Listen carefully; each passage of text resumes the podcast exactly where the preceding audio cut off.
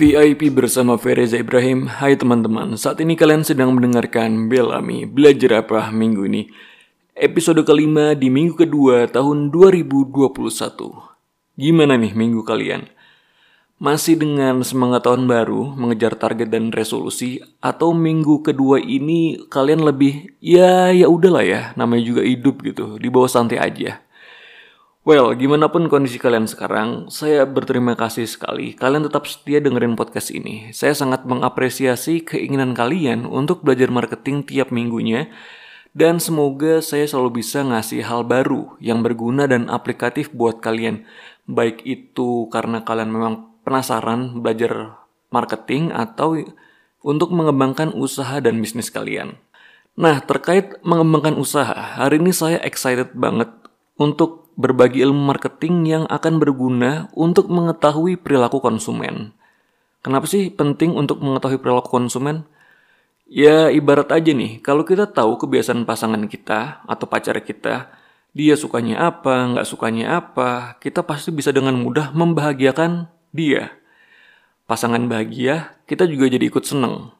Nah, sama halnya, kalau kita tahu cara bikin konsumen itu bahagia, pasti kita juga ikut bahagia. Cerita sedikit, jadi di minggu ini saya baru selesai ngambil sertifikasi Marketing 4.0. Nah, Marketing 4.0 itu kita bahas next time aja. Intinya, di dalam modul Marketing 4.0, saya belajar tentang perjalanan konsumen dalam membeli produk kita. Perjalanan konsumen dalam membeli produk kita. Tapi perjalanan di sini bukan dalam artian konsumen tuh naik apa ke toko kita, lewat jalur mana, macet apa enggak nggak secara harafiah seperti itu, tapi perjalanan konsumen di sini dibagi ke dalam lima tahapan atau ringkasnya kita sebut dengan 5A atau 5A. Apa aja? A yang pertama adalah aware atau sadar atau tahulah. A yang berikutnya adalah appeal atau tertarik. Lalu yang ketiga adalah ask atau bertanya.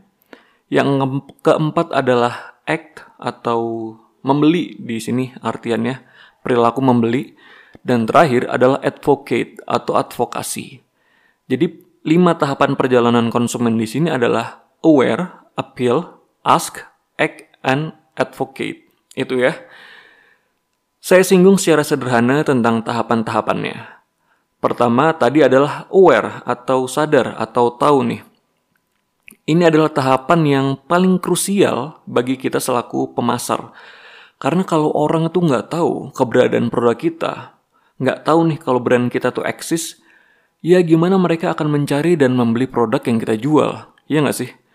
Seperti yang pernah saya singgung di episode sebelumnya, semakin baik brand awareness-nya, semakin berada ad, semakin berada pada top of mind di benak konsumen, maka semakin besar pula kemungkinan produk kita akan dibeli.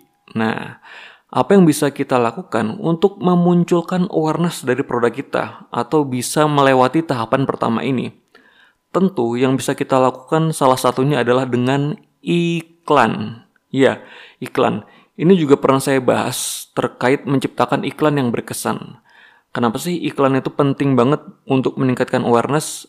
Jadi gini teman-teman, ada tiga hal yang dapat mempengaruhi keputusan konsumen atau biasa dikenal juga dengan the three O, tiga O, yaitu yang O pertama adalah own influence, yang kedua adalah other influence, dan yang terakhir, yang ketiga adalah outer influence. Ada tiga ya tadi ya.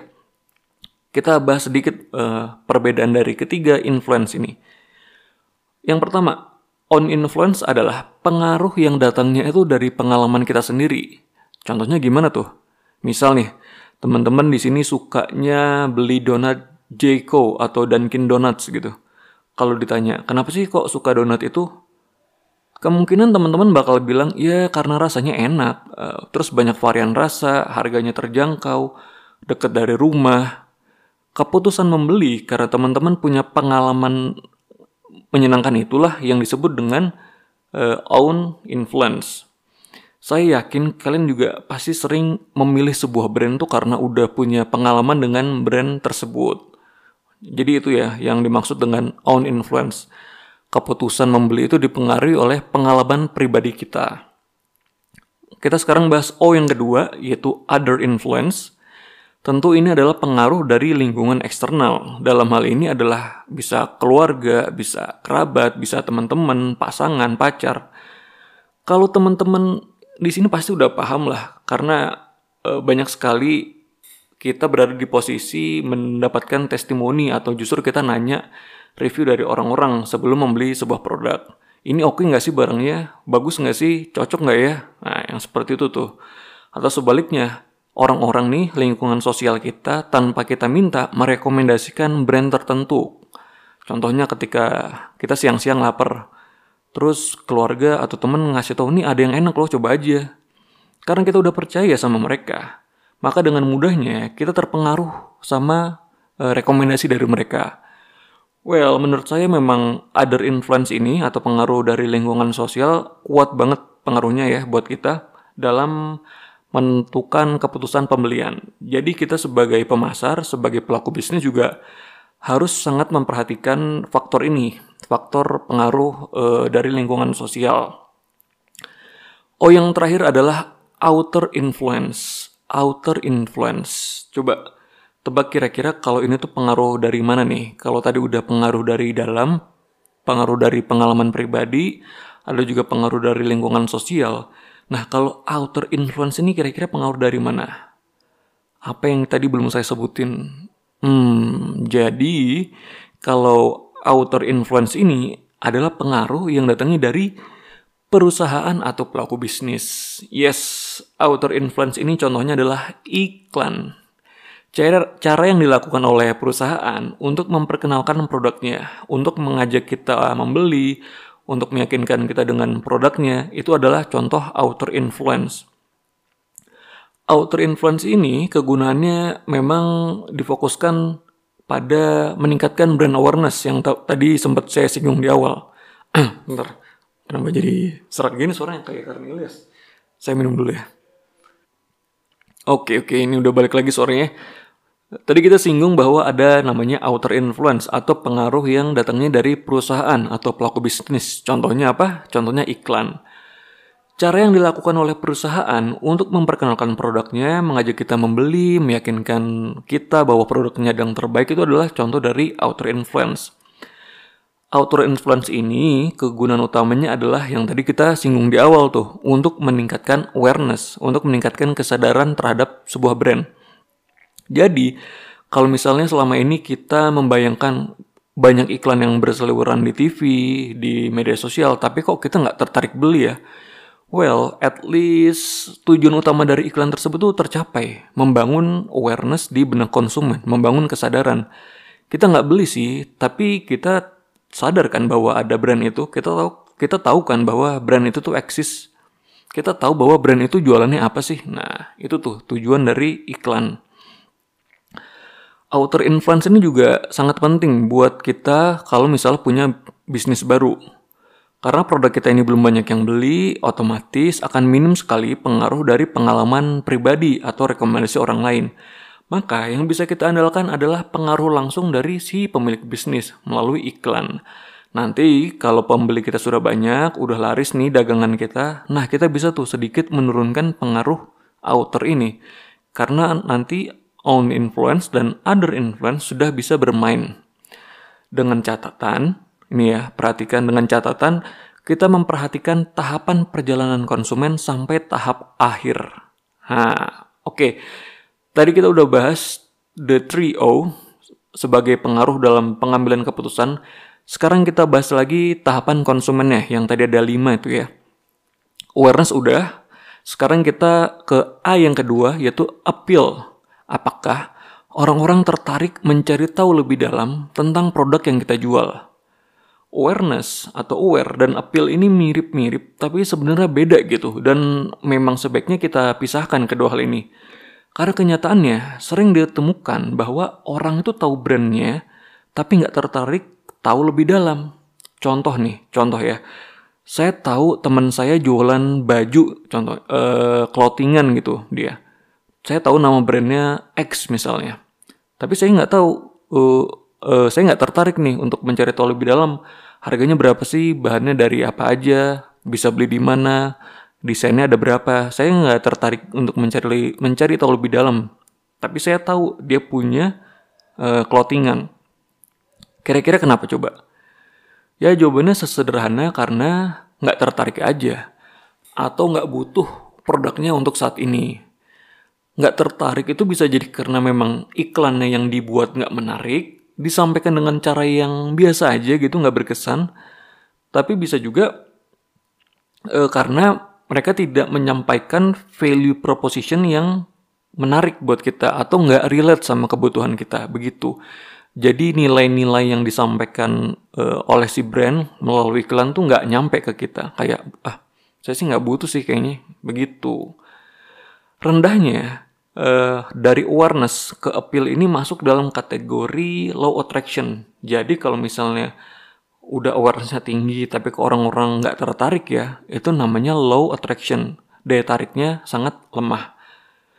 Ada strategi khusus yang sebenarnya bisa kita lakukan supaya attraction itu meningkat. Supaya orang tuh dari sekedar tahu jadi pengen banyak tahu. Di antaranya adalah repositioning atau memperbaiki marketing communication.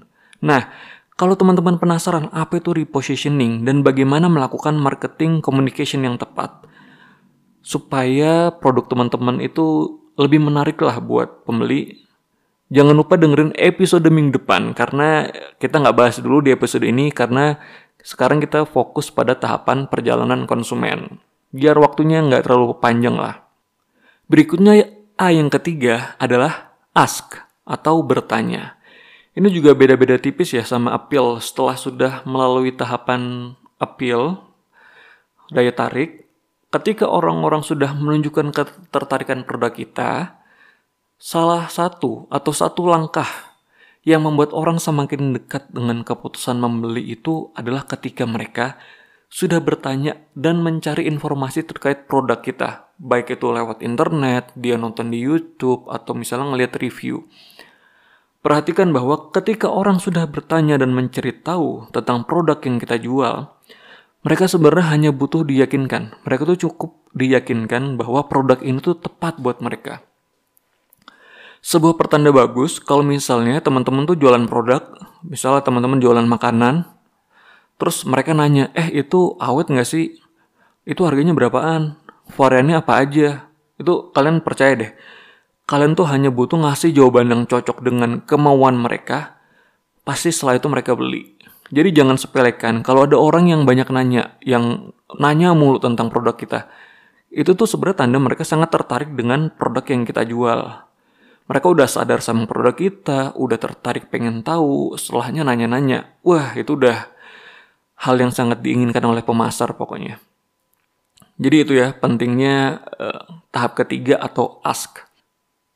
A yang keempat adalah act atau beli. Ya ini nggak perlu dibahas terlalu dalam ya, kita semua udah paham.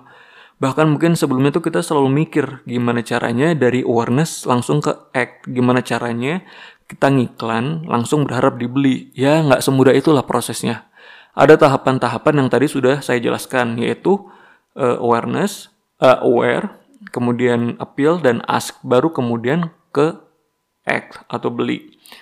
Sekarang kita lanjut ke tahap terakhir yaitu tahap kelima advocate. Advokasi atau ketika orang merekomendasikan produk kita itu ya. Sedefinisi sederhananya. Satu hal yang kalau teman-teman amati tahapan perjalanan konsumen ini nggak berhenti sampai pada aktivitas membeli. Nah kalian terpikir nggak sih sebelumnya? Atau kalian ini selalu mikirnya ya, pokoknya gimana caranya produk kita terbeli tapi belum terpikir bagaimana caranya produk kita ini bisa direkomendasikan oleh si pembeli ke calon-calon pembeli yang lain. Sekali lagi, tugas kita memasarkan sebuah produk itu tidak berhenti sampai produk tersebut terjual, tapi sampai pada pembeli tersebut bersedia dengan senang hati merekomendasikan produk kita ke orang lain. Ya, kenapa sih kok kita perlu memikirkan sampai tahapan advokasi ini? Tentu karena ini semua demi kepentingan usaha kita juga. Seperti yang tadi saya sebutkan, ada yang namanya other influence salah satu yang paling punya peran penting dalam mempengaruhi keputusan konsumen dalam membeli, yaitu adalah pengaruh orang lain. Pengaruh orang lain ini datang ketika mereka mau merekomendasikan produk yang pernah mereka pakai. Menurut saya, tahapan advokasi ini juga penting banget untuk hal lainnya. Seperti misalnya menunjukkan bahwa konsumen itu beli produk kita nggak hanya semata-mata karena penasaran aja. Mereka beli produk kita itu bukan hanya karena coba-coba gitu, pengen tahu rasanya gimana, pengen tahu apa yang didapat. Karena kalau ternyata nggak memuaskan, mereka pasti nggak nggak nggak akan mau beli produk kita dan merekomendasikan produk yang kita jual. Malah justru mereka bisa ngasih hal-hal atau informasi ke orang lain yang tidak kita inginkan.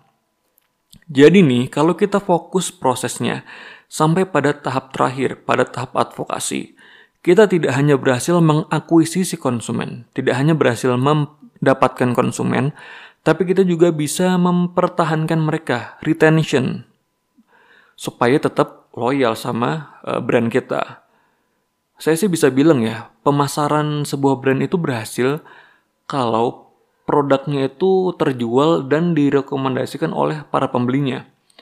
Karena kita berhasil melakukan pemasaran dengan tepat, kita juga bisa berhasil memberikan pengalaman yang memuaskan buat konsumen.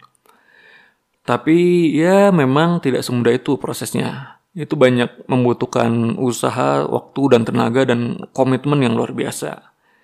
Tapi semoga setelah dengerin podcast ini kita jadi bisa sama-sama sadar dan bisa sama-sama paham bahwa jangan hanya mentingin proses sebelum pembelian dan pembelian aja, tapi juga kita harus memperhatikan proses sesudah pembelian. Nanti di episode berikutnya saya akan bahas lebih dalam lagi masalah yang kerap terjadi antar tahapan. Kalau dari awareness yang tinggi tapi kok orang nggak tertarik itu cara mengatasinya seperti apa? kalau misalnya mereka sudah tertarik tapi kok nggak nanya-nanya itu apa yang bisa kita lakukan atau yang paling sering biasanya adalah udah nanya tapi nggak jadi beli nah itu kira-kira kenapa tuh dan terakhir kalau misalnya mereka udah beli tapi kok mereka nggak bersedia ya merekomendasikan produk kita cara yang bisa kita lakukan seperti apa sih itu semua nanti akan saya bahas di episode-episode berikutnya. Jadi jangan lupa dengerin episode selanjutnya. Well, sudah hampir 20 menit saya berbicara. Jadi saya terima kasih sekali buat teman-teman yang sudah mendengarkan. Bila kalian merasa podcast saya bermanfaat dan memberi banyak informasi yang menarik, jangan ragu untuk uh, berbagi atau membagikan podcast saya di media sosial kalian atau membagikan podcast saya ke teman-teman kalian. Siapa tahu ada yang membutuhkan nih. Saya akan sangat-sangat-sangat berterima kasih kalau podcast saya ini bisa membantu lebih banyak orang yang penasaran belajar pemasaran. Jadi jangan lupa untuk selalu dengerin Bellamy belajar apa minggu ini setiap hari minggu karena di sini kita ubah rasa penasaran jadi pelajaran. Saya Feriza Ibrahim pamit undur diri. I will see you soon and goodbye.